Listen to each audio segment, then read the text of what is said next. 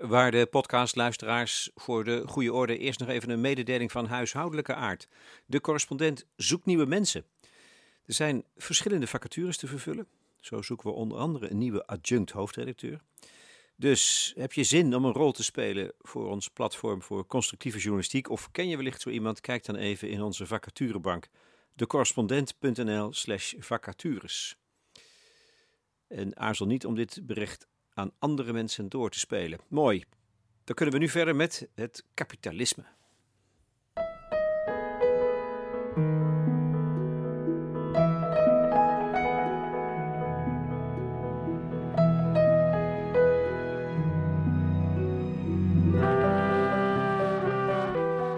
Goede gesprekken bij de correspondent. Ditmaal met Robert Dur, hoogleraar prikkels aan de Erasmus School of Economics in Rotterdam.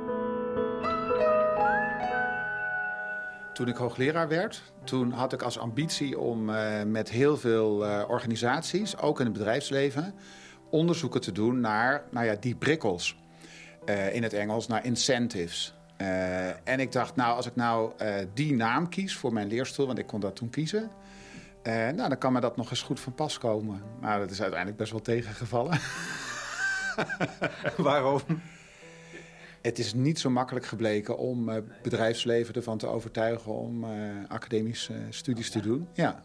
Houden ze dat tegen, ja? Er is niet zoveel nieuwsgierigheid. In ieder geval niet op de gebieden waarop ik toen vooral actief was. En incentives zijn in dit geval dus hele hoge beloningen van de, de, de bestuurders bijvoorbeeld? Nou, bijvoorbeeld. Maar buiten dat gaat het ook over hoe ja, gewone medewerkers worden uh, beoordeeld en beloond en hoe daarmee om wordt gegaan, hoe ze met elkaar omgaan. Uh, nou, allerlei issues op het gebied van uh, ja, organisatie- en personeelsbeleid. Daar was ik toen vooral mee bezig. Ja. Dat is ook teleurstellend, dan? Ben je toen maar iets anders gaan onderzoeken? Ja, nou, er zijn wel een paar studies gelukt. Maar uh, ja, wel wat teleurstellend inderdaad. En uh, toen ben ik inderdaad weer wat meer richting de publieke sector ook. Dat deed ik altijd al. Maar dat, uh, ja, je doet ook een beetje waar je de kans krijgt om ja, mooie dingen te doen. Hè? Dat, je moet ook met de mogelijkheden rekening houden. En ja, in de publieke sector gaat het iets makkelijker dan in het bedrijfsleven. Hoewel daar ook de nieuwsgierigheid nog wel een beetje opgepookt mag worden hoor, vind ik. Ja. ja. Hoe komt dat? Dat ze, dat, ze, dat, dus niet, dat ze niet nieuwsgierig zijn. Ik kan me voorstellen dat je ook als bedrijf je voordeel kunt doen met de uitkomsten van academisch onderzoek. Ja, ja. Kijk, wat ik merk als ik met mensen uit de praktijk spreek, en dat geldt zowel voor de publieke sector als het bedrijfsleven, dat is dat mensen toch wel heel zuinig zijn op hun reputatie van expert op een bepaald gebied. dus als jij aangesteld bent als, ik noem maar iets, HR-manager in een groot bedrijf, ja, dan word jij geacht te weten hoe het moet. Weet je, daarvoor ben je in dienst genomen tenslotte, toch? Je bent HR-expert. Dus om dan met een verhaal te komen van... nou, luister eens op een paar belangrijke punten... moeten we misschien toch eerst eens wat verder studeren... samen met een academicus... om te zien wat in dit bedrijf uh, het beste werkt...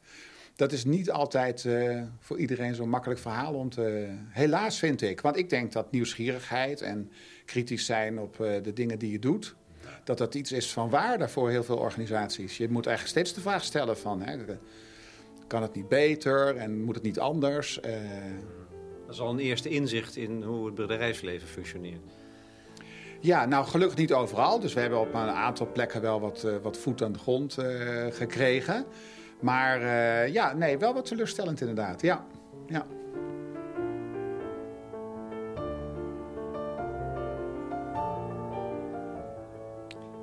Robert Dur is hoogleraar economie aan de Erasmus School of Economics in Rotterdam. Hij heeft een fraaie titel, in vereenvoudigde vorm hoogleraar prikkels.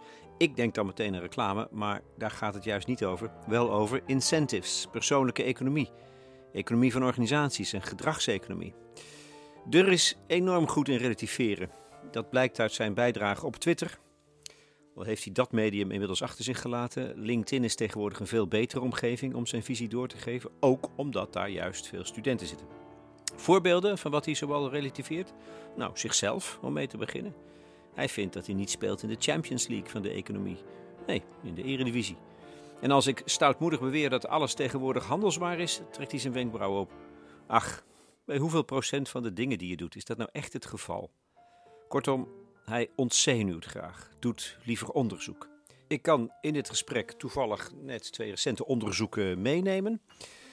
Dat is mooi, terwijl ik eigenlijk gekomen ben voor een uh, essentieel gesprek over het kapitalistische systeem als zodanig. Ja, dat heeft goede en uh, slechte kanten, zegt Dur. Ja, dat klinkt heel genuanceerd, hè? Maar klinkt veilig. Ja, nee, maar tegelijk, dus uh, het heeft goede en het heeft slechte kanten. Het is ook niet zo duidelijk, vind ik, wat nou precies het alternatief is. Uh, ik heb daar niet echt schetsen van gezien waarvan ik denk van nou zeg, dat is nou iets waar uh, veel mensen perspectief in zien. Uh, daarentegen, hè, dus om zeg maar binnen het systeem na te denken over hoe dingen beter kunnen, uh, daar zie ik wel heel veel beweging. En dat maakt me ook wel optimistisch over ja, de kant die we opgaan. Oké, nou daar ga ik dan zo meteen op terugkomen. Eerst even het onderzoek waar je nu aan doen, aan doen bent. Onderzoek naar de bereidheid van burgers om mee, om mee te doen aan, aan experimenteel beleid. Ja, nou, dus het ging niet zozeer per se over de vraag: wil je meedoen aan een experiment? Maar het ging vooral over de vraag: nou, als nu um, een wethouder of een minister, of uh, als die nou eens komt met een voorstel van: hé, hey, op dit uh, terrein, hè, dit bepaald beleid, dan gaan we nu niet ineens van de een op de andere dag iets nieuws invoeren. Nee, we gaan wat meer nieuwsgierig. Hè? We gaan eerst eens kijken, werkt het wel? Hè? Dus we gaan experimenteren. We gaan een, een, een ja, uh, het kleinschalig gaan we dat op een aantal plekken gaan we dat uh, opzetten en kijken hoe het, uh, hoe het bevalt. En pas als, het, als we weten van nou, dit, dat werkt goed, dan gaan we het verder uitbouwen. Dat was eigenlijk het idee. Want dat is bijvoorbeeld dus ook een manier om te kijken of je binnen het kapitalistische systeem dingen kunt verbeteren. Dat zo, zo zou het kunnen werken. Ja, zeker. Dat kan binnen het bedrijfsleven, maar het kan ook uitstekend binnen de overheid. Hè. Uh, maar ik denk eigenlijk dat ook in andere uh, systemen uh, experimenten nuttig kunnen zijn. Dus in die zin is het niet echt een kenmerk van dat systeem. Um, maar ja, dus en wat er vaak wordt gezegd is dat um, de mensen in het land dat die experimenten niet zullen waarderen. Dat wordt vaak gezegd dus er wordt vaak gedacht van, uh, ja, mensen begrijpen niet hoe zo'n experiment werkt. Of um, mensen vinden dat je van een politicus mag verwachten dat hij weet welke kant we op moeten. Dat hij met een verhaal komt van dit is het beste en daar moeten we nu voor gaan. En als jij als politicus komt met een verhaal van nou weet je, we moeten eerst eens even zien wat werkt het beste. He, dat, dat weten we nog niet en dat gaan we nou eens uitproberen de komende jaren om te leren dat dat misschien toch een beetje wordt gezien als een zwak verhaal. Hè? Van, uh, en, uh, ja, en wij dachten dus van nou, uh, misschien valt dat wel mee, weet je. Misschien dat die kiezer, dat die burger, dat die eigenlijk uh, nou, dat, dat, best wel kan waarderen. Dan moet je natuurlijk wel een beetje uitleggen. Dus kijk, als je gewoon het woord experiment noemt of beleidsexperiment noemt, bij sommige mensen daar heeft dat een hele negatieve connotatie. Hè? Dus er zijn natuurlijk ook in het verleden natuurlijk ook hè, experimenten gedaan die ook vreselijk waren. Dus het is belangrijk dat je het goed uitlegt. Tegelijkertijd, wat we in ons onderzoek hebben geprobeerd te doen, is om ook niet uit en te na dat uh, heel uitgebreid te gaan uitleggen. Want zo werkt het politieke proces natuurlijk ook niet. Dat je een half uur de tijd krijgt om eens eventjes uit de doeken te doen wat je nou eigenlijk bedoelt. Hè? Uh, wat we ook hebben geprobeerd te voorkomen is dat we een soort ja, reclamepraatje of zo. En we hebben gewoon. Uh, want dat, dan zouden we ook niet echt te weten komen hoe de mensen erover denken. Hè? Dus we hebben geprobeerd om eigenlijk gewoon heel neutraal, maar duidelijk en kort te vertellen wat er eigenlijk mee bedoeld wordt. En dan vervolgens aan de mensen gevraagd, representatieve steekproef van de Nederlandse bevolking. Wat vind je ervan? En wat zegt het volk? Ja, nou, de mensen zijn dus hartstikke positief over experimenteren. ja. ja. Was je verbaasd? Ik was positief verrast, ja. ja. Het is wel geestig, toch, dit? Ja, ja toch? Ja, hè? Ja. ja. Kijk, wat we hebben gedaan hè, om de mensen te vertellen waar we het eigenlijk over hebben... is we hebben een aantal scenario's geschetst. En dan gaat het over heel concreet beleid. En uh, dus bijvoorbeeld, het gaat over een trainingsprogramma dat uh, werklozen moet helpen om een baan te vinden. Of het gaat over uh, anoniem solliciteren bij een gemeentelijke instelling om discriminatie tegen te gaan. Of het gaat om meer geld besteden om belastingontwijking door grote bedrijven tegen te gaan. Of nou, zo hadden we Zes verschillende uh, scenario's. Nou, en dit zijn allemaal type beleid waarbij je met een beetje moeite een goed experiment kan opzetten. Kan niet bij al het beleid. Ik denk voor een monetair beleid kan je geen, geen experiment doen. Maar bij dit type beleid is het, is het goed mogelijk om met een beetje moeite om, om een goed experiment op te zetten. Dus in een zin of drie hebben we dan geschetst hoe zo'n experiment er dan uit zou zien. En hebben de mensen gevraagd, nou vertel maar, wat vind je dan van dit trainingsprogramma? Moet het gewoon ingevoerd worden? Of moet het niet ingevoerd worden? Of gaan we eerst een experiment doen, hè, waarbij een deel van de werklozen willekeurig gekozen aan het trainingsprogramma gaat meedoen. En andere werklozen niet. En we gaan na verloop van tijd kijken van, nou, heeft het trainingsprogramma nou geholpen om sneller een baan te vinden of niet? Hè? En als dat zo is, dan rollen we het verder uit. En zo niet, dan... Uh... Klinkt zo verstandig, hè? Ja, toch? Ja. En dat vinden mensen dus ook. Die vinden het een goed idee. En dat vinden mensen dus ook. En we hebben ze, ja. Behalve één categorie burgers uit Nederland. De politici. Ah, de politici, ja. nou, de politici waren ook wat moeilijker te raadplegen voor ons. Want, uh, maar we hebben er toch wel een heel stel bereid gevonden. Bijna uh, 200 hebben we er bereid gevonden om te vertellen wat ze daarvan vinden. Uh, we hebben in totaal uh, ruim 700 aangeschreven. Alle leden van de Tweede Kamer, alle leden van de Eerste Kamer en de leden van de Provinciale Staten. En um, ja, kijk, mijn indruk van uh, gesprekken en ervaringen de afgelopen jaren is dat ze dat niet zo heel erg zien zitten. Nou, de mensen die aan ons onderzoek mee hebben gedaan, de politici die aan ons onderzoek mee hebben gedaan, die denken daar anders over. Die zijn daar behoorlijk positief over. En, en dat is denk ik wel heel leuk, uh, als we politici vertellen wat de kiezer ervan denkt, ja.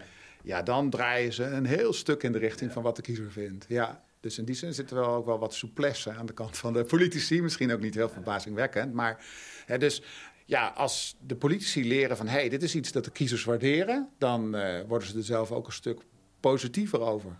Dus er zijn ook aannames van politici die niet kloppen als het gaat over het gedrag van, ja. uh, toch? Precies, want dat is dus wel leuk, want we hebben dus de politici vier, vragen gesteld. En de eerste twee vragen gaan over, wat denk jij dat de Nederlandse kiezer denkt? En wat we daar zien is dat uh, de politici daar heel verschillend over denken, wat, wat de Nederlandse kiezer vindt. Maar wat ze wel bijna allemaal denken is dat de kiezer er net zo denkt als zijzelf. dat is toch heel grappig, of niet? ja, maar dat is dus niet zo. Nee, dat is niet zo, precies, ja. Ja, het is grappig. Maar ondertussen, ondertussen is het, ligt het ook iets, iets fundamenteels bloot van wat politiek bedrijven is op het ogenblik. Dat uh, uh, politici, ja, dat is, als je het heel positief formuleert, dan zeggen ze dus ze volgen eigenlijk wat er leeft in de samenleving. Terwijl je zou kunnen zeggen, ja, ze moeten leiden. Ja, ja. Precies, dus je kan dit verhaal op twee manieren vertellen. Hè? Van, oh, kijk eens wat goed, hè? die politici, hoe ze luisteren naar wat de mensen in het land willen. En dat is op zich natuurlijk goed dat we politici hebben die luisteren naar wat de mensen in het land uh, willen. Maar wij als bevolking willen ook heel graag meegenomen worden met, met verhalen en ideeën. Hè. We nemen niet allemaal de tijd om dat zelf te gaan zitten verzinnen. Dus er is denk ik ook uh, veel, uh, zou, of zou veel ruimte moeten zijn voor politici die juist ook eens tegen de stroom in willen gaan. Hè, en die met een eigen verhaal komen daar ook voor uh, staan. En nou ja, misschien geïnspireerd ook door ons nieuwe onderzoek dat binnenkort uitkomt. dat er ook wel eens een keer een politicus op gaat staan die zal zeggen, nou ik wil nu eens wat meer nieuwsgierigheid gedreven... En op basis van bewijs beleid gaan voeren. En dat betekent dat we dus soms ook moeten experimenteren... en eerst kijken van wat werkt en waar zitten kinderziektes in en, uh, enzovoort. Ja.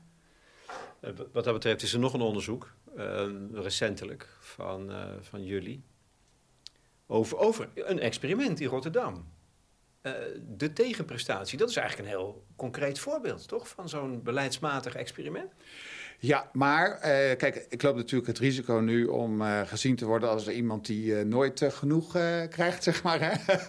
Want wat ik daar wel, wat ik aan ons eigen onderzoek wel vind ontbreken, en dus aan de, ja, aan de manier ook waarop dit is ingevoerd, de tegenprestatie in de bijstand in Rotterdam, is een brede effectmeting. Dus, en, en daar hebben we in de tijd wel voor gepleit, maar dat is niet echt, ons niet echt gelukt om de verantwoordelijke politici van te overtuigen. He, dus bij zo, want de tegenprestatie, hè, dat gaat over uh, dat mensen die al lang in de bijstand zitten, het gaat over mensen die gemiddeld al tien jaar in de bijstand zitten, dat die gedurende een aantal uren per week iets moeten gaan doen. en dat aantal uren is best wel hoog, 20 uur per week. Ja. 20 uur per week iets gaan doen. Ehm, ja, ons onderzoek, wat we nu jaren later, nadat dit allemaal is ingevoerd, uh, wat, wat, we hebben gedaan. Want het heeft vijf jaar geduurd, hè, dat experiment? Uh, ja, het heeft vijf jaar geduurd voordat de gemeente het heeft uh, uitgerold in de hele stad. Ja, er zijn in, in Rotterdam zijn er ja, zoveel mensen in de bijstand, langdurig in de bijstand, dat als je zo'n programma als dit gaat uitrollen, dan ben je dus jaren bezig. Nou, daar maken wij als onderzoekers dan dankbaar gebruik van om het te kunnen evalueren want eh, wat je dus hebt gedurende een heel aantal jaren is dat je mensen die langdurig in de bijstand zitten, eh, hebt die nog niet de tegenprestatie doen. Gewoon omdat ze nog niet eh, aan de beurt zijn, zeg maar. Dus, en je hebt mensen die al eh, wel eh, de tegenprestatie doen. En sommigen al een jaar en anderen al twee jaar. En die mensen zie je op hetzelfde moment in de tijd. Dus die kun je met elkaar vergelijken. Dat is als het ware een experiment. Dat noemen we een natuurlijk experiment. En door te kijken hoe het met hen gaat... kun je een idee vormen over de effecten van die tegenprestatie. Uh, ja, als die uitrol met een zekere willekeur is, hè, dat er niet een soort plan achter zit van dan gaan we echt expres eerst die wijk en dan die of zo. Maar dat zat wel goed in Rotterdam. Dus in Rotterdam waren ik geloof wel 70 wijken of buurten uh, gedefinieerd. En wat nou precies de volgorde van uitrol was, dat, uh, dat was min of meer willekeurig. En um, ja, dus die groepen kun je dan vergelijken. Maar wij hebben dat kunnen doen met wat het Centraal Bureau voor de Statistiek aan informatie verzamelt. Ja, en daar zit natuurlijk ook een heleboel niet in. Hè. Dus bijvoorbeeld het welbevinden van mensen, dat zit daar niet in. Ja, je kunt niet, niet meten van hoe het. Dus en dat is wel uh, echt wel een nadeel. Dat had, dus, dat had dus eigenlijk wel beter gemoeten, vind ik. Maar uh, goed, ja, we hebben daarvan geprobeerd te maken wat er van te maken is. Ja. Overigens, dat onderzoek dat doe je pas nadat de gemeente al besloten heeft om het uit te rollen. dus, dus onge, ongeacht het onderzoek ging het gewoon door. Dus dat is dan wel weer maf met zo'n experiment. Um, maar de resultaten vallen toch tegen? Dat hangt er van af hoe je er tegenaan kijkt, denk ik. Uh, misschien hangt het, het hangt ook sterk van af wat je ervan verwacht had, zeg maar. Hè? Kijk, dus sommige mensen hadden verwacht van... nou, als je dan aan mensen een tegenprestatie uh, vraagt... En um, dit is wel belangrijk, ze werden verplicht, want als ze het niet meededen, dan werden ze gekort op hun bijstandsuitkering. Dus het was niet zomaar van nou, een, een, vriendelijke uitnodiging. Klopt. Nou, op zich, de uitnodiging was wel vriendelijk opgesteld. Ja. ja. ja. Lees de kleine lettertjes. Precies, dus de kleine lettertjes, er stond ook wel in van... Hè, eh, als je niet meedoet, er zijn de consequenties voor je uitkering. Um, kijk, de tegenprestatie die was eigenlijk als volgt opgehouden. Dus als je aan de beurt was, kreeg je een brief thuis... En daarin werd gezegd, er is dat nieuwe programma, tegenprestatie. Je moet uh, eh, 20 uur in de week moet je wat gaan doen. En uh, dat willen we binnenkort met je bespreken. Daarom nodigen we je uit voor een, een afspraak, dan en dan, eh, op die en die plek. Nou, en wat er dan vervolgens gebeurde was, dan had je een gesprek met iemand van de gemeente. En uh, ja, hoe gaat zo'n gesprek? Ik wil een gesprek van mens tot mens, dat begint met hoe gaat het met je? Hè? Dus er werden ook vaak wel problemen besproken waar mensen tegenaan lopen. En mensen werden soms ook wel op een spoor gezet om die problemen op te lossen. Dat was alvast een eerste element. Het tweede belangrijk element, wat nog wel eens over het hoofd wordt gezien, is dat bij het zoeken naar een activiteit voor, van die, voor, voor iedere bijstandsgerechtigde, ja, werd uitdrukkelijk gezocht naar iets dat bij de betrokken persoon past. dus bijvoorbeeld eh, nogal wat mensen die het betrof, eh, spreken de Nederlandse taal niet. Nou, dan werd overeengekomen, oké, je gaat een, een, een, talencursus doen. En dat valt onder die 20 uur uh, tegenprestatie. Uh, andere mensen hadden grote gezondheidsproblemen... waar ze misschien wat aan konden doen... door wat vaker naar iets van een fitness of een, een gym te gaan. Valt onder de uh, 20 uur in de tegenprestatie. Um, weer andere mensen, uh, daar werd gekeken naar uh, iets in het, in het welzijnswerk bijvoorbeeld. En er werd geprobeerd te zoeken naar iets dat past bij jouw hobby's en interesses. Dus als je bijvoorbeeld heel erg van vogels houdt, nou, dan ligt het voor de hand dat je iets bij, noem maar iets, de vogelbescherming bijvoorbeeld gaat doen. Of als je heel erg van sport houdt, dat je iets bij een sportvereniging gaat doen. Dus zo werd er geprobeerd bij iedereen iets te vinden dat bij die persoon uh, past. Um, ja, en dat dat maakt het hele programma al best wel anders van insteek, zeg maar. Hè? Dus kijk, als jij als bijstandsrecht de hakken in het zand zet en zegt... Ik, ik wil absoluut niet meedoen... ja, dan kwam inderdaad dat onvriendelijke element om de hoek kijken van... oké, maar dit is niet zomaar vrijblijvend. Maar ja, wat wij hebben gehoord en ook de indruk die we uit onze analyse van de data krijgen... is um, nou, dat het ja, op een, op een in ieder geval gemiddeld genomen op een goede manier uitpakt, zeg maar. Ja. Maar de, hele inzet van de gemeente Rotterdam in dit geval met die tegenprestatie is natuurlijk dat, mensen, dat ze mensen langdurig in de bijstand aan het werk willen krijgen. Dat heb je volgens mij vooral willen onderzoeken. Van, levert dat wat dat betreft ook concreet resultaat op? Ja, en daar, dus de mensen, de, en dat was trouwens niet iedereen hoor, die die verwachting had. Dat je met dit programma mensen die langdurig in de bijstand zitten, uiteindelijk uh, richting de arbeidsmarkt zou bewegen. Niet iedereen had die verwachting, maar sommige mensen inderdaad wel. En wat wij in onze data zien, is dat uh, wat dat betreft het beleid totaal gefaald is. Er is echt niemand meer aan een baan geraakt door dit programma. Uh, dan zonder het programma het geval was uh, geweest. Maar uh, het wel of niet hebben van een baan is natuurlijk niet alles in het leven. Hè? Dus we hebben dus ook gekeken naar de mentale gezondheid. En dan met name hebben we gekeken naar of mensen medicijnen gebruiken tegen allerlei mentale aandoeningen en ziektes. En wat we daar zien is dat er een, met name bij de mannen een forse afname is als gevolg van de tegenprestatie.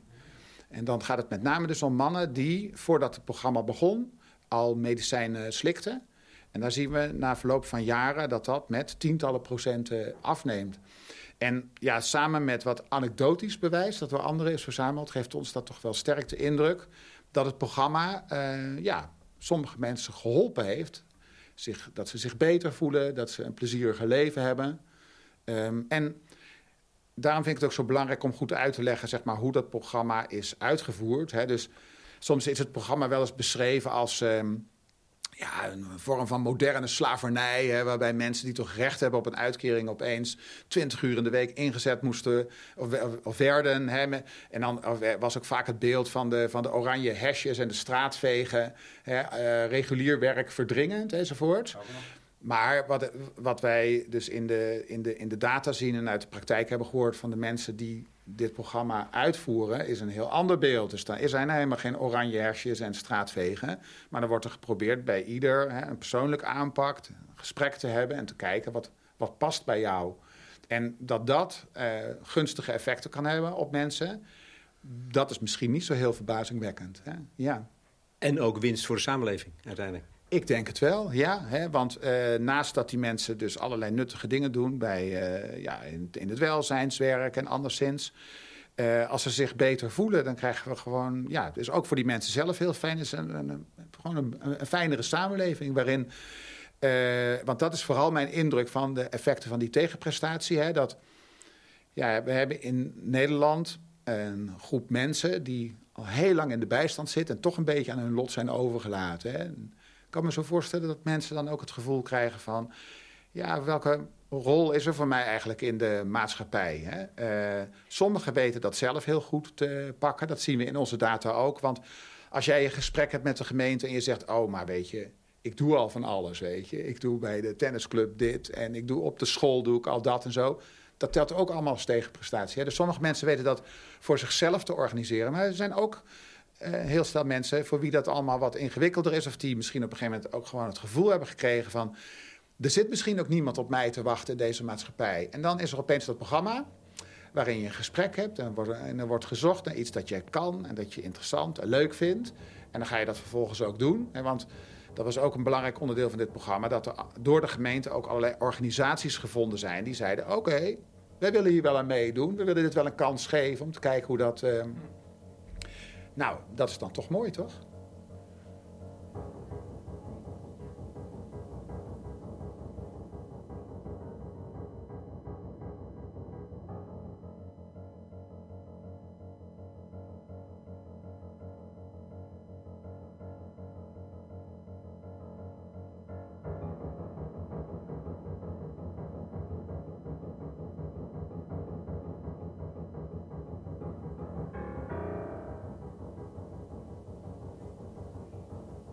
Dit typeert jou misschien wel, ook als econoom, Robert Deur? Dat je een soort engagement met de mensen aan de onderkant van de samenleving, in het algemeen? Want ik wil over het, het kapitalistische systeem praten, maar hier spreekt een soort engagement uit. Ja, uh, dat, uh, dat klopt wel, ja. ja. Want gaat het dan over de mensen die als het ware dupe zijn van het systeem? Dat, moet je dat zo zien? De dupe zijn van het systeem. Maar wat is dan precies het systeem? Nou, het, ik bedoel in dit geval. het kapitalisme. ja, ja, ons kapitalistisch systeem. Want kijk, kijk ik, ik, kan het natuurlijk anders vragen. Um, is de schade die dat kapitalistische systeem, dat wij nou eenmaal omhelst hebben al sinds vijf eeuwen, begint die niet groter en groter te worden? Moeten we dat niet onder ogen zien? Uh, dus de, nou, kijk, we zitten natuurlijk uh, midden in een uh, aanstormende klimaatcrisis. Hè? Dus, uh, in die zin, ehm, ja, ja um, is dat. Want daar is het kapitalisme gewoon rechtstreeks verantwoordelijk voor. Ja, nou, dat is wel een beetje de vraag, vind ik dus stel je voor dat we wereldwijd geen kapitalisme hadden gehad, maar een ander eh, systeem. Hadden we dan geen kolencentrales? Hadden we dan geen dieselauto's? Hadden we dan geen eh, CO2-uitstoot gehad? Ik weet het niet hoor. Nee. Nou, dat is heel hoog speculatief natuurlijk, want dat systeem is er helemaal niet. Precies, en de, dat kenmerkt ook de hele discussie over het kapitalisme. Hè? Dus het is niet zo dat je. Ja, we hadden het eerder over experimenten. het mooiste zou natuurlijk zijn als je een experiment doet. Stel je voor, je hebt uh, duizend uh, aardes hè, en dan uh, doe je bij 300 doe je kapitalisme en bij 300 andere doe je weer wat anders. En zo heb je verschillende systemen en dan ben je heel geduldig, dan ga je een paar eeuwen wachten en kijken hoe het uitpakt. En dan heb je echt bewijs. Nou, dat kan natuurlijk helemaal niet. Dus hier moet je toch wat meer vertrouwen op, ja, wat meer kijken naar data, kijken naar anekdotes. Maar goed, je, je zegt zelf ook, die klimaatnoodtoestand, wordt het eigenlijk al zo genoemd. Ja, ja. Dat is wel verbonden met dat kapitalistische systeem. En dat is toch wel... Ja, daar moeten we toch op ons kop krabben, zou je zeggen. Ja, ja, dus jij zegt al snel van dat komt door het kapitalisme, hè, maar komt het niet ook vooral door uh, ja, hoe de mens in elkaar zit? Hè? Dat, we, dat wij mensen uh, toch wel heel beperkt naar het belang van anderen kijken. En dan hier in het bijzonder dat wij mensen toch wel heel beperkt naar het belang kijken van de mensen die uh, over honderd jaar op deze aarde rondlopen. Heel beperkt doen we dat. En uh, binnen het kapitalisme doen we dat weinig. Ik weet niet zeker of we binnen een ander systeem dat veel meer zouden doen. Nee, dat snap ik. Maar ik, zie, ik, nou, ik, ik, probeer er een beetje voor mezelf helderheid in te krijgen. En dat komt ook omdat ik al jaren interview. En als er ergens problemen zijn, dan, dan ontkom je toch niet aan de constatering dat dat vaak komt door de manier waarop die economie werkt en het kapitalisme werkt. Eén, het kapitaal wil zich concentreren, wil vermeerderen, net als macht. En vervolgens gaan die twee systemen, die sluiten een bondgenootschap... en dan komt, dat leidt tot een gigantische concentratie van kapitaal en macht. Ik denk, wij zijn bezig om een soort feodaal systeem terug te, te krijgen in de wereld. Ik denk dat het heel belangrijk is om in het kapitalistische systeem een sterke publieke sector te hebben. Een sterke overheid. Hè? Om meerdere redenen. Hè? Dus e-, één reden geef jij al aan hè, van je krijgt machtconcentraties. Hè? En macht binnen het systeem van kapitalisme uh, als er macht is bij bedrijven, is dat heel slecht. Hè? Dus uh, het, ja, het is goed voor Wall Street en de AEX hè, en, de, en de winstcijfers. Daar is het goed voor als bedrijven machtiger worden. Maar voor de rest van de samenleving is het uh, slecht. Dus dat moet je tegengaan. En daar heb je een overheid voor nodig. Er is niemand anders die dat kan dan de overheid. We kunnen als consumenten of als werknemers... kunnen we niet echt een vuist maken in ons eentje. Hè? De, dus daar heb je een overheid voor nodig die toezicht houdt op macht, marktmachtconcentraties. Om te zien dat bedrijven niet te groot worden. Dus bijvoorbeeld door fusies tegen te houden, bijvoorbeeld, en overnames. Uh, maar zelf soms ook. Als van nature sommige bedrijven heel erg groot worden. Ja, een natuurlijk monopolie, die, die moet gereguleerd worden. Hè? Want als een natuurlijk monopolie uh, zijn eigen gang kan gaan, ja, dan kan je uittekenen dat gaat mis. Dus daar heb je sterke overheid voor nodig. De tweede reden waarom je sterke... Ja, dat, is, dat is prachtig, maar we gaan juist de andere kant op.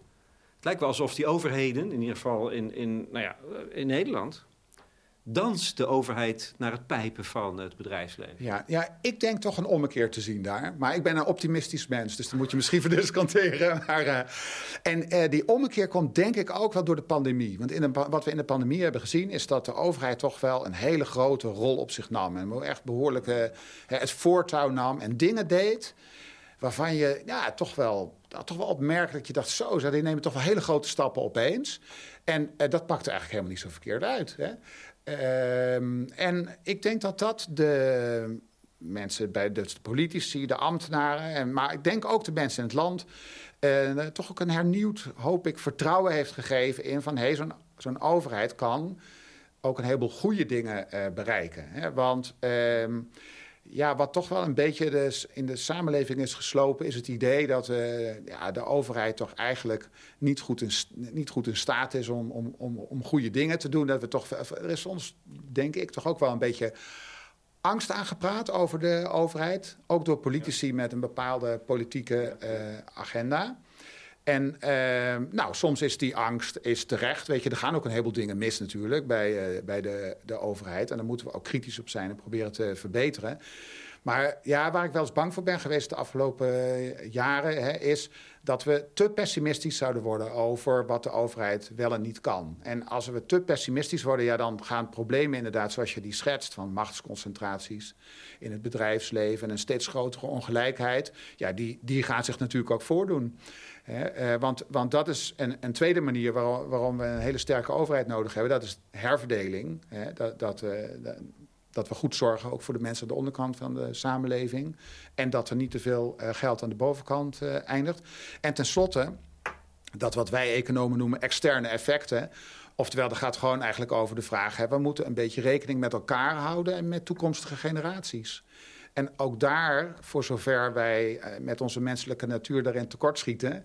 kunnen we gezamenlijk besluiten om dat via de overheid op een betere manier te doen. Dat we samen afspreken van nou, laten we nou samen dat probleem aanpakken. Moeten we dus belasting betalen of we moeten onze regels houden... maar we weten dat we dan samen beter af zijn, zeg maar. Heb je ook een sterke overheid voor nodig, die dingen durft. Hè? Ja. En hoe sterk acht jij de Nederlandse overheid?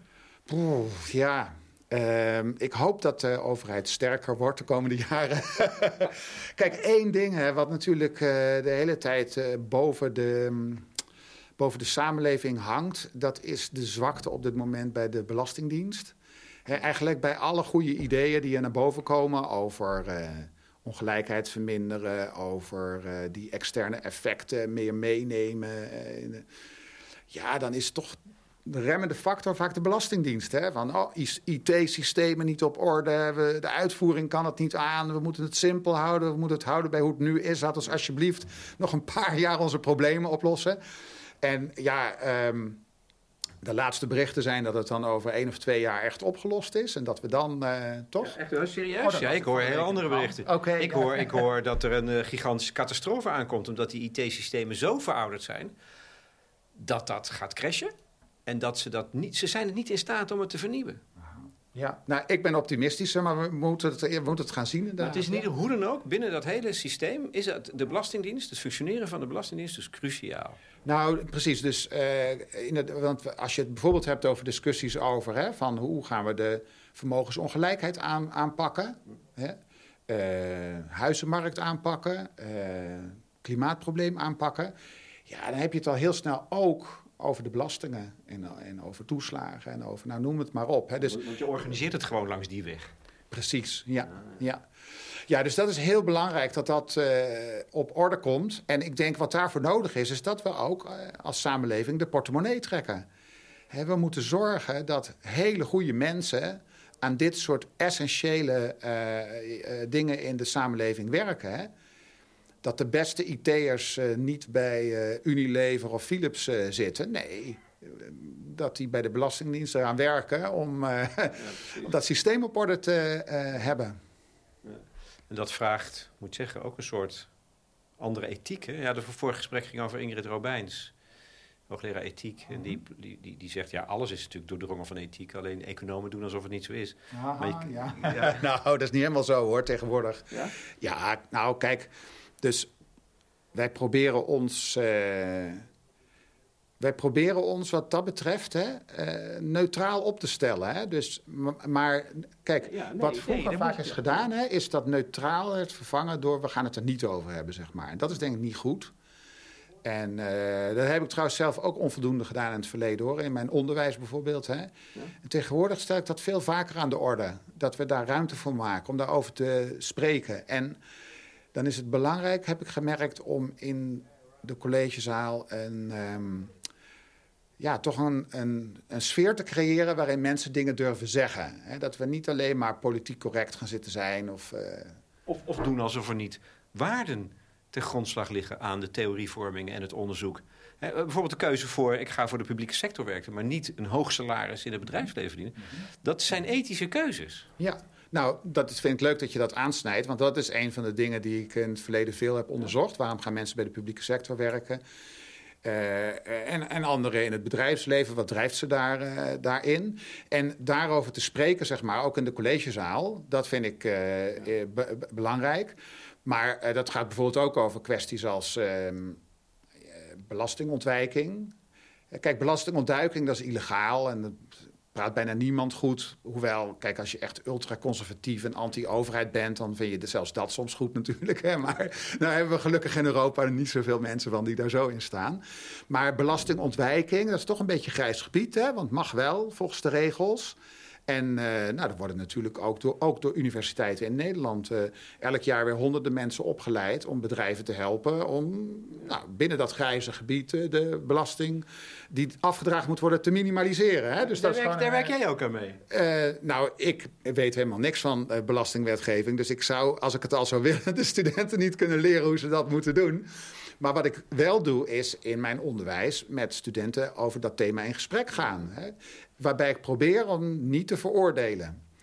Waarbij ik probeer om de studenten zichzelf te laten uitspreken. Hè? En, uh, dat we daar een gesprek over hebben. Want het, zijn allemaal volwassen jonge mensen. Waarvan, en ik vind dat ze, dat ze, dat ze zelf tot die uh, tot dat oordeel en, enzovoort. Dan moet niet de professor van bovenaf zeggen... nou, en, en, dan vind ik dat je dit moet vinden of zo, zeg maar. Dat, dat, vind, ik, dat vind ik een ongezonde situatie.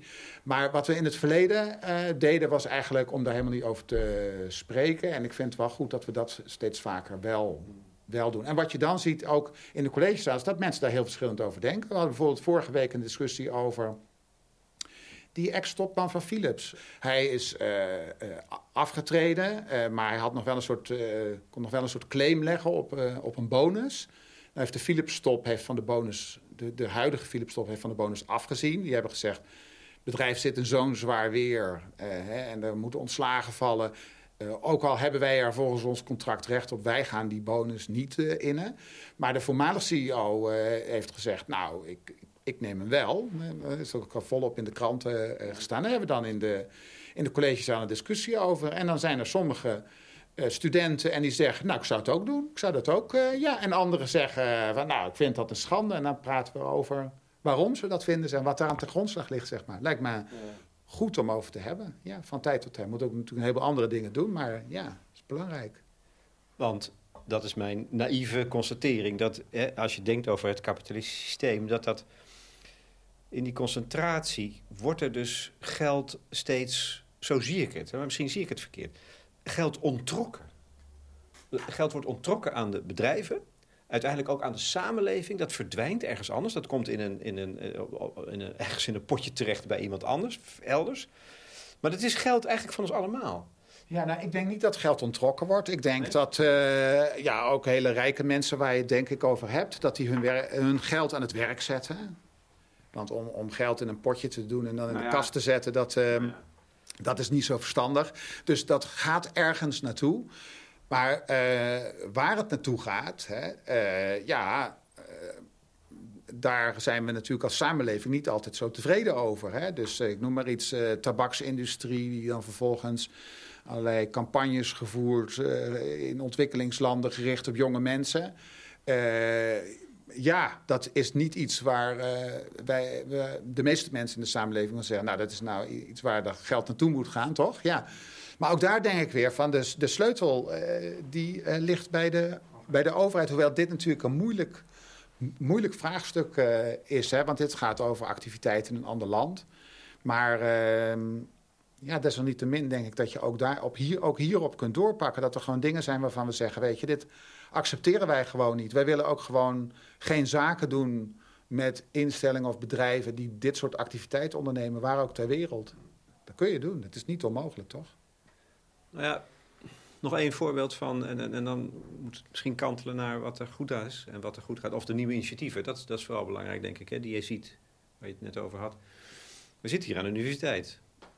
Uh, Rotterdam School of Economics. Ik weet niet of ik de vraag dus aan jou moet stellen, maar ik las het schotschrift van uh, Breuker, uh, Bots en Robijns over de staat van de universiteit op het. Dreigt uitgehold te worden door nou ja, de, de neoliberale politiek die er op het ogenblik gevoerd wordt. Ik, 40 stellingen van wat er allemaal niet goed gaat aan de universiteiten. Ga je dat ook, relativeer je dat ook of ervaar je dat aan het leven? Nee, ik, uh, ik ben daar een stuk positiever over. Over hoe het aan de universiteiten uh, gaat. Uh, maar ik moet er wel bij zeggen dat wij hier uh, bij een studie als economie misschien ook wel in een luxe positie zitten. Omdat we enorme studentenaantallen hebben. waardoor je ook gewoon wat ruimer in de jas zit, zeg maar, qua personeel. Het gaat, en, ook over, het gaat over werkdruk, hè? Het gaat ook over de de ongelooflijke veeleisendheid die aan, aan, aan al het academisch personeel aan het onderwijspersoneel, uh, die worden overvraagd, die, worden, die, wer die werken uren over. Nou, een heleboel van dat soort dingen. Maar er zijn denk ik twee dingen. Hè? Dus kijk, um, ten eerste heb je het onderwijs. Hè? En dan denk ik dat mensen die bij relatief kleine opleidingen zitten, dat die het moeilijk hebben. Hè? Want dan, dan moet je toch met een klein team moet je behoorlijk wat in de lucht houden. Want je moet toch een, een heel programma enzovoorts. Hè? Bij de grotere opleidingen speelt dat denk ik toch minder een rol. Hè? Want dan heb je de, ja, toch de schaalvoordelen. Als, als, ik college geef, dan heb ik een zaal van 500 studenten. Um, en dat is best pittig, kan ik zeggen. Dus, uh, Gezellig, wou ik zeggen. ja, maar, uh, dus uh, dat is ook wel iets, weet je, dan sta je daar twee uur college te geven. Dan ben je vervolgens een dag lang ook wel best wel moe van, zeg maar. Hè? Dus dat, uh, maar dat is toch anders dan wanneer je een kleinschalige opleiding bent. Wat betreft het onderzoek, hè, daar had uh, Willem Schinkel, de socioloog hier uit Rotterdam, een tijd geleden een belangwekkend stuk over in de krant geschreven. Die zei: die, Kijk, er is geen minister die zegt: uh, Ingrid Robijns, jij moet elk jaar vijf artikelen schrijven, bijvoorbeeld. Of drie boeken. Of, er is geen, geen minister die dat zegt. Hè. De normen wat betreft onderzoek, die leggen we elkaar op. En in sommige vakgebieden is dat helemaal uit de hand gelopen. Er zijn onderdelen van de sociale wetenschappen... waarbij als eh, senior hoogleraar wordt je geacht... nou, toch wel zeker tien publicaties per jaar te hebben. als, je, als je er niet tenminste tien hebt, dan, dan, dan doe je eigenlijk toch niet serieus mee. En dan kun je dus ook niet... geen, geen geld meer krijgen voor promovendi of andere leuke dingen of zo. Weet je, dat, dat, hè, moet tien. Hè? Maar uh, tien artikelen per jaar, als ik dan kijk binnen mijn eigen vakgebied, de economie... Nou, er is niemand hier die tien per jaar heeft. Weet je, wij hebben maximaal één, soms twee artikelen per jaar. Um, dus de normen die verschillen tussen verschillende onderdelen van de sociale wetenschap. En ja, hoe komt dat nu? Nou, dat komt, komt niet door de minister. Het komt ook niet door de voorzitters van de college van besturen van de universiteiten. Het zijn zelf opgelegde normen die op de een of andere manier zijn gaan ontstaan, zeg maar, binnen een, een vakgebied. En dan ook heel hardnekkig blijven uh, bestaan. Maar ja, ik denk dat er in veel gebieden alle reden is om dat uh, te veranderen. Dus daar waar het tien artikelen per jaar is, hè, uh, denk ik, en mensen zich heel erg overwerkt voelen, hè, uh, zou ik zeggen, pro probeer eens met de beroepsvereniging bijvoorbeeld. Hè, is de cultuur te veranderen. Dat we de dingen die we van elkaar verwachten, dat die echt anders worden. Andersom, bij ons bij economie denk ik wel eens... nou, in plaats van één per jaar mogen we misschien wel eens een beetje opschalen. Want bij ons is het zo, bij economie... ja, dat we heel lang zitten te poetsen aan elke studie. Voordat jij binnenkwam vanochtend zat ik uh, met een co-auteur. En dan heb ik dit weekend heb ik zitten lezen. Weer in de zoveelste draft van een draft van een draft, weet je. Dan hebben we weer een zinnetje hier en dat gaat naar de voetnoot. En moeten we niet die gerelateerde studie nog bespreken, enzovoort, enzovoort. Dus heel erg gemillimeter, zeg maar. Hè? Wat heel erg vertraagt natuurlijk. En de kern van de boodschap wordt niet echt anders, zeg maar. Dus bij economie zouden we misschien juist een beetje andersom de omslag moeten maken. Dat we zeggen, nou, weet je, een klein beetje minder oog voor detail. Ietsje meer opvoeren van wat, er van, eh, wat we van elkaar verwachten. Ja, dat is een, een niet zo populaire opinie, maar uh, ja. Wat een timing. Timing, timing is alles, zeggen ze dan.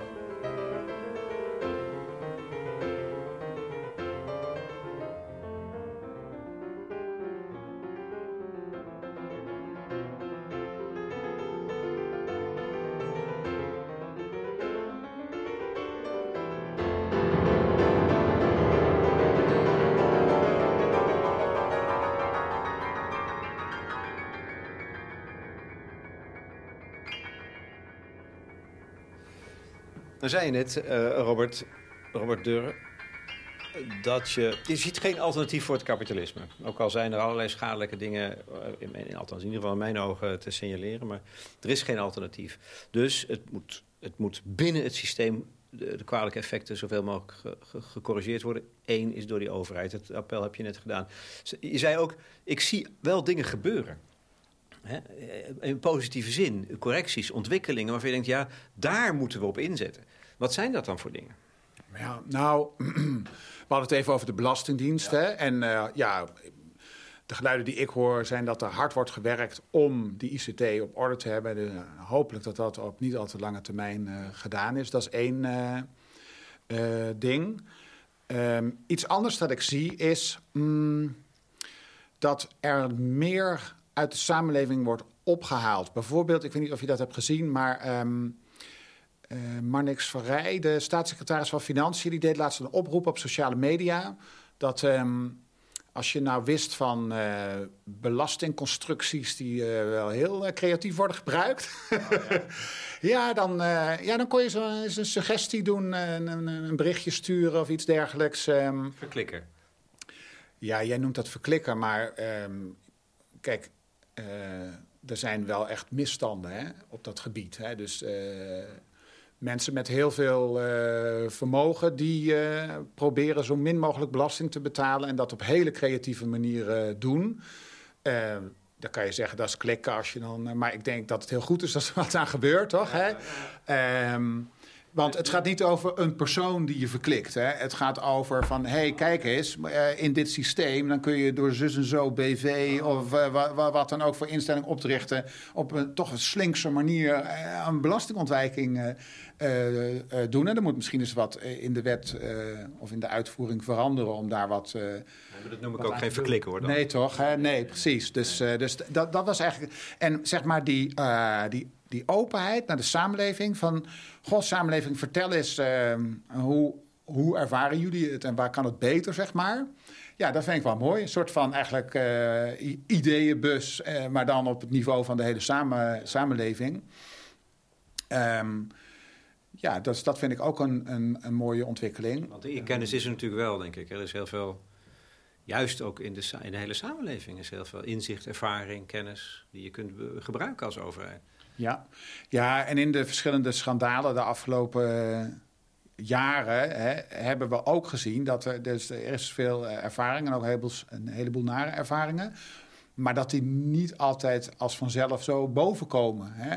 Uh, dus bijvoorbeeld de uh, toeslagenaffaire kwam voor mij als een verrassing. Ik wist dat niet. Hè. Dus heel veel van die toeslagenouders die zijn lange tijd niet gehoord. Hè. En het is denk ik belangrijk dat we als samenleving, dat de overheid, hè, ja, een meer luisterend oor ook heeft. Dat we eerder dat soort geluiden uh, opvangen. En meer in, in brede zin denk ik, ja, da daarom, ik, ik denk, ik hecht ook sterk aan representatieve steekproeven. Dat klinkt een beetje technisch, maar dat wil eigenlijk gewoon zeggen, van tijd tot tijd ga je bij de Nederlandse samenleving ga je ophalen wat er leeft. En dat doe je dan grootschalig. En je doet het representatief. Dus ook de mensen die eigenlijk geen zin hebben om mee te doen. Op de een of andere manier ga je ervoor zorgen dat ze toch meedoen. dat je echt, uh, want ik denk dat je dan op het spoor van allerlei dingen kan komen. Van, van, van misstanden en onvrede en, en, en noem maar op. En dan kun je dan misschien uh, vroegtijdig uh, iets aan doen. Ah. Laatste vraag. Um, je had het net over die donderwolk van de klimaat noodtoestand, ontwrichting die op ons afkomt. Die moet gehandeld worden. Kunnen we dat wel? Is er genoeg competentie? Um, of je nou zegt van nou, het komt door het kapitalistische systeem. Het is in ieder geval binnen het kapitalistische systeem, zoals we dat kennen, um, zo ontstaan. Je hoort de noodzaak van krimp. Wij moeten gaan krimpen. In alles eigenlijk. Uh, in ieder geval in ons, in, ons, in onze bestedingspatroon, om het maar heel eenvoudig te houden. Nou, is het kapitalistisch systeem, daar weet ik weinig van, maar één ding wel, dat het moet groeien. Zijn wij binnen dit systeem in staat om met krimp om te gaan? Ja, nou, ik denk dat we met krimp kunnen omgaan binnen dit systeem. Ik zie geen reden waarom het kapitalisme eh, per se eh, ja, tot groei zou moeten leiden. Dat, dat, dat je niet een kapitalistisch systeem kunt hebben waarin er sprake is van krimp. Overigens denk ik dat we moeten krimpen op bepaalde gebieden. Hè. We moeten krimpen op gebieden die eh, ons bestaan op lange termijn uh, in gevaar brengen. Uh, maar dat wil niet zeggen dat we kunnen groeien op andere gebieden. En eigenlijk, als je kijkt naar de geschiedenis, ja, dan zie je dat dat natuurlijk ook al deels een hele tijd aan de gang is. Hè. Dus bijvoorbeeld, ja, vroeger, dus echt honderden jaren geleden, had je de landbouw. Dat was bijna de hele economie. Nou, dan kwam op een gegeven moment de industrie bij. Maar landbouw en industrie, dat zijn tegenwoordig relatief beperkte sectoren. Hè? De, de grootste sector op dit moment is de dienstverlening. Dat we dingen voor elkaar doen. Dat zijn ook relatief weinig vervuilende activiteiten. Hè? Um, dus um, anders gezegd, hè, dus, uh, persoonlijke aandacht aan elkaar geven, nou dat mag best groeien. En persoonlijke aandacht aan elkaar geven, uh, daar zit de, heel veel daarvan is in de informele economie, zeg maar. Dus dat gaat aan ons zicht verloren, zeg maar, als je kijkt naar economische groei, naar het bruto binnenlands product, dat zit daar niet in. Uh, maar deels zit dat er ook wel in, maar een deel van de dienstverlening, dat gaat ook over dingen voor elkaar doen, zeg maar, zonder dat er nou per se vervuiling bij uh, ontstaat. Overigens, um, ja, want er wordt ook wel eens gezegd van oh, kapitalisme en dat kan niet omgaan met, met krimp en dat wil dan zo maximaal mogelijk alles uitbuiten en zo. Hè? Maar dan zou ik zeggen, nou kijk eens naar de, naar de werkweek. Eh, de werkweek was vroeger uh, 60, 70 uur. Dan werkten we alle dagen van de week. Nou, langs deze lijn van het kapitalisme probeert ons allemaal zoveel mogelijk uit te buiten. Zouden we natuurlijk nog steeds op zaterdag en zondag werken, toch? Maar dat doen we al lang niet meer als je kijkt hoe weinig we nog maar werken. He, dus ook met, met, met vakantiedagen en alles. Dus met dat we rijker zijn geworden, hè, dat we productiever zijn geworden, dat we meer met minder uren kunnen maken, hebben we een heel groot deel van de mogelijkheden die dat biedt, die zijn gaan zitten in meer vrije dagen, meer dingen gaan doen die helemaal niet leiden tot economische groei of productie of allemaal van dat soort dingen. Nee, die dat juist niet doen, zeg maar. Hè. Die en um, dat is heel goed, want dat is in lijn met wat we allemaal willen. Um, dus dat moeten we vooral ook blijven doen en ook blijven voortzetten. En ik denk dat het een hele realistische voorspelling is. Zowel economen die houden meestal niet zo van voorspellingen doen. Dat hebben we zo slecht gedaan uh, dat we dat uh, voorzichtig in zijn. Maar ja, ik denk toch dat uh, als, je, als je een voorspelling wil doen, is dat we na verloop van steeds minder zullen gaan werken en steeds meer tijd zullen gaan hebben voor andere dingen, andere dingen die niet in bruto binnenlands product zitten, die niet economisch groeien. En dat is voor het kapitalisme geen enkel probleem. Nee, nee denk ik niet. Gek, hè? Dat gaat, dit is zo tegen mijn intuïtie in. Want er zijn mensen, ook al werken we dan minder, maar heel veel mensen zijn overwerkt of voelen zich overwerkt. Er is heel veel burn-out, er is heel veel stress in de samenleving. Weet je, dat gaat er een beetje daar, daartegen in. Maar dat is, dat is natuurlijk opnieuw weer een gevoel. Jij bent de meester in het onderzoeken van dit soort aannames. Denk ik. Mm -hmm. ja. ja. nou, over dat er veel burn-out is en dat mensen zich overwerkt voelen. Ja, dat vind ik ook een punt van zorg. Um, maar om enkel en alleen te wijzen naar van, oh, dat is nu het kapitalisme die ons drijft om zo vreselijk veel te werken en ons zo druk te maken. Ik heb het gevoel van niet. Ik heb het idee dat mensen, net zoals we eerder spraken over hè, de wetenschappers die elkaar bepaalde ja. normen opleggen. Ja. Zo gebeurt dat misschien ook binnen sommige families en vriendengroepen, binnen buurten waar mensen wonen. Mensen toch een beetje naar elkaar kijken. Wat heb jij? En uh, wil je niet al te veel voor onderdoen? Hè, dat weten we ook al sinds decennia. Dat dat kan leiden tot een, een race die uiteindelijk voor ons allen niet zo goed is. Hè, waarbij we allemaal bijvoorbeeld te veel gaan werken en te veel gericht zijn op het materiële en het zichtbare. Um, en dat is dus ook een van de redenen waarom we uh, nou, dat belastingssysteem goed op orde moeten hebben. Want belastingen kunnen ook hier de sleutel zijn. En we kunnen met z'n allen kiezen om ons allemaal een beetje af te remmen. Dat we allemaal ietsje minder gaan voor het zichtbare en het materiële. En allemaal beter af zijn. Um, nou, moeten we wel het belastingssysteem goed op orde hebben. Dan kunnen we dat doen, ja. Ja, toch is, dat willen. Ja, nog, maar ik snap dat nog niet helemaal. Hè. Dat, dat als we moeten afremmen, minder. Dus dat, gaat, dat gaan de winsten, die worden minder. Het wordt allemaal minder. Ja. Maar dan blijft het systeem als zodanig draaien. Ja hoor, ja, ik zie geen reden waarom niet. Ja. Kijk, uh, prijzen zullen zich aanpassen. Dus, uh, en daar zullen we dan genoegen mee moeten nemen. Dus bijvoorbeeld, een van de dingen die we de afgelopen decennia hebben gezien... is dat de rente sterk is afgenomen. Ja. En dat hangt ook samen met de vergrijzing... en dat er op heel veel plekken in de wereld heel veel wordt gespaard. Ja, dan gaat de rente afnemen. Ja, daar hebben we mee te dealen, zeg maar. Hè. Um, Kijk, als we dus allemaal meer gaan voor een relaxed leven met meer vrije dagen, dan betekent dat er minder arbeidsaanbod is. Ik denk het gaat de lonen opdrijven. He, want uh, bedrijven zullen meer moeite moeten doen om de beperkte aantal mensen binnen te halen. Nou, zoiets zie je eigenlijk nu ook al wel. Hè, met alle, precies, ja. En dat is ook heel erg goed. Kijk, dat is nou ook een van de sterke kanten van uh, dat kapitalistische systeem en van een markteconomie. Um, dat is dat als het goed functioneert, dus als je geen machtsconcentraties hebt, hè, maar als je competitie hebt, ja, dat het ook tot goede dingen kan leiden. Hè? Uh, dus bijvoorbeeld bedrijven die concurreren om uh, de beperkte mensen die nog willen werken binnen te halen. Ja, die zullen alles uit de kast trekken om dat zo aantrekkelijk mogelijk te maken. Dus die gaan ook investeren in wat willen die mensen eigenlijk. Hè?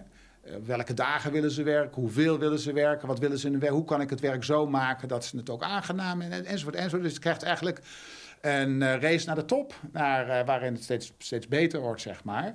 Maar de drijvende kracht daarachter, dat is die competitie. Als je dus inderdaad machtconcentratie hebt, dat je nog maar één werkgever hebt en eigenlijk alleen nog maar daar te, terecht kan, dan zijn de verwachtingen niet zo goed hoe, hoe de baan eruit zal uh, zien. Dus je moet juist gebruik maken van ja, de positieve kant, van de, de krachtige kanten van de, van de markteconomie. Ja. En, en, en wat, je bent een optimistisch mens, hè? Klopt, ja. Dus ook ja, als het gaat om die, die, die machtige, de, de, reuzen in de wereld, de techreuzen... Dan, dan, dan blijf je optimistisch. Want dat is natuurlijk wel... Die, die stralen niet uit dat ze deze kant op willen. Ja, nou, toch heb ik wel wat optimisme. Omdat, ja, ik zie toch wel dat er dat de overheden in de wereld ook wat dat betreft uh, steeds meer durven door te pakken. Hè. Dus ook bijvoorbeeld de Europese Commissie, hè, die dan uh, ook uh, stappen daarop neemt. Dat kan wat mij betreft allemaal nog wel een beetje meer. En ik denk ook dat die competitieautoriteiten, die dus dat, vanuit de overheid toezicht houden op de werking van markten dat die nog wat beter bemenst moeten worden. Dat er, dat er meer mensen moeten zijn en het liefst ook de beste mensen. En eerder hadden we het over de IT'ers. Nou, dat geldt ook over voor de competitieautoriteiten. Dat die stevig in hun schoenen staan als ze het gevecht aangaan met machtige ondernemingen. Want dat is natuurlijk wat je dan doet. Als je moet gaan ingrijpen in markten die niet goed werken door, door machtsconcentratie, nou dan heb je ook wel een behoorlijke partij tegen je staan natuurlijk. Hè? Dus dat betekent ook weer dat we als maatschappij, om dit een goede banen te leiden, moeten we ook wel weer de portemonnee trekken. Dat we zorgen dat we ook daar goede advocaten hebben staan en goede experts en zo, hè, die een goede case kunnen uh, maken. Overigens, dat vind ik interessant, hadden we vorige week ook uh, tijdens, um, tijdens een college uh, over. Je kunt ook andere dingen doen om dat beter te laten verlopen. We hadden het toen over het uh, omdraaien van de bewijsvoering. Hè. Dus nu is het zo dat als je bijvoorbeeld een, als er een overname is. Hè, uh, en we vinden van hé, hey, dat leidt toch wel tot wat te veel macht bij één bedrijf. Nou, dan moet de competitieautoriteit die moet een case maken. Hè, en zeggen: luister, dit is niet goed voor de samenleving, dus dit verbieden we. Je mag niet uh, dat bedrijf overnemen. Uh, maar zo'n case maken is heel moeilijk. Hè? Want dan moet je dus eigenlijk aantonen uh, dat iets dat nog niet gebeurd is, uh, schadelijk gaat, gaat zijn. Hè? Dus dat, is best moeilijk. En die zaken worden ook niet altijd ge, gewonnen. Soms dan worden het niet eens aangevangen omdat ze het gewoon niet kansrijk achten. Maar je kunt de bewijsvoering ook omdraaien. Je kunt ook zeggen als samenleving, luister, als twee grote bedrijven willen samengaan... of als één groot bedrijf een ander bedrijf wil overnemen... Nou, dan is de standaardprocedure dat het grote bedrijf dat de overname wil doen moet aantonen dat er uh, plausibelerwijs geen uh, schade is voor de samenleving. Weet je? Toon het maar aan, omgekeerde bewijsvoering. Uh, en als je het niet kan aantonen, nou jammer, dan gaat de overname niet door. Weet je, zo so be it. Dat, dat zijn de spelregels. Waarom niet? Hè? Dus je kunt ook het proces op een slimmere manier inrichten om meer als een vuist te kunnen maken naar machtsconcentraties. Ik hoop van harte dat er tussen die 500 studenten die je in je collegezaal hebt, Robert Deur, dat er heel veel zijn die jij met jouw betoog de kant van de publieke sector op zal sturen. En dat die het gevecht met de machten uh, willen aangaan. Dankjewel. Graag gedaan, ja.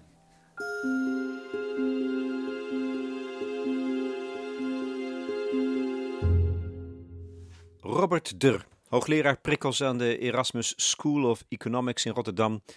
In gesprek met Lex Bolmeijer voor de correspondent. Voer voor discussie, lijkt me. We willen met jullie hulp graag verder komen in het denken over het kapitalisme als systeem. Ons platform biedt daarvoor ruimte, in ieder geval voor leden. En je bent al lid voor negen tientjes per jaar. Daar krijg je dan een jaar lang kwaliteitsjournalistiek voor voorbij de waan van de dag. Wat de muziek betreft, ik maakte dankbaar gebruik van Rzewski, geëngageerde componist van industriële stukken zoals de Winsboro Cotton Mill Blues, gespeeld door Ralph van Raad. Wat ook leuk is, ik ga binnenkort weer een podcast opnemen in het Theater aan het Spui in Den Haag. Met het publiek in strandstoelen. Op zondagmiddag 7 mei om 3 uur s middags. Je kunt erbij zijn. Kaartjes via het Theater aan het Spui. De gast is Koenraad Bogaerts, die een voortreffelijk boek heeft geschreven over de erfenis van het kolonialisme. Fanon. En ja, het zal dus zeker gaan over racisme en wokisme. Zondagmiddag 7 mei, 3 uur in Den Haag. We spreken elkaar. Ten slotte nog dit. Ik maak graag nog even reclame over de podcastserie van Maaike Goslinga en Maite Vermeulen over containers. Containerbegrip vierdelig schetst een onthullend beeld van de werking van kapitalisme en economie anno 2023.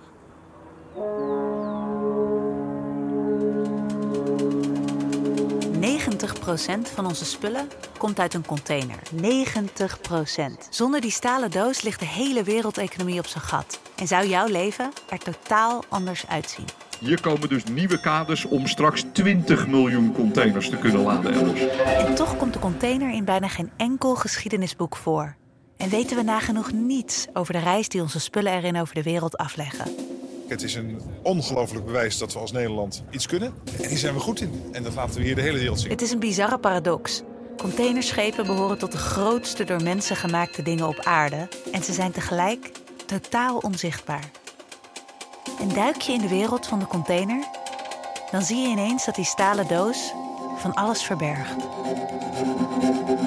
Ja, totaal is er 3,2 miljoen kilo rotzooi in zee beland. Er is een criminalisering opgetreden van zeevarenden. Het wordt echt een gevangenis. Some of the worst cases are over four years that seafarers have been left on board. They haven't gone home. They haven't been paid. Gaat het hier eigenlijk over monopolievorming? Ja. In deze podcastserie zetten Maaike Goslinga en ik, Maite Vermeulen, een schijnwerper op de verborgen wereld van ons goederenvervoer op zee. Om te snappen hoe onze spullen bij ons komen en wie daarvoor de prijs betaalt. We always have our aha moments. Um... What was yours? Luister nu naar Containerbegrip, een podcast van de correspondent. Het gaat af en aan, het gaat dag en nacht door. Jaar in, jaar uit. Ik vraag me wel eens af wie maakt dat allemaal op.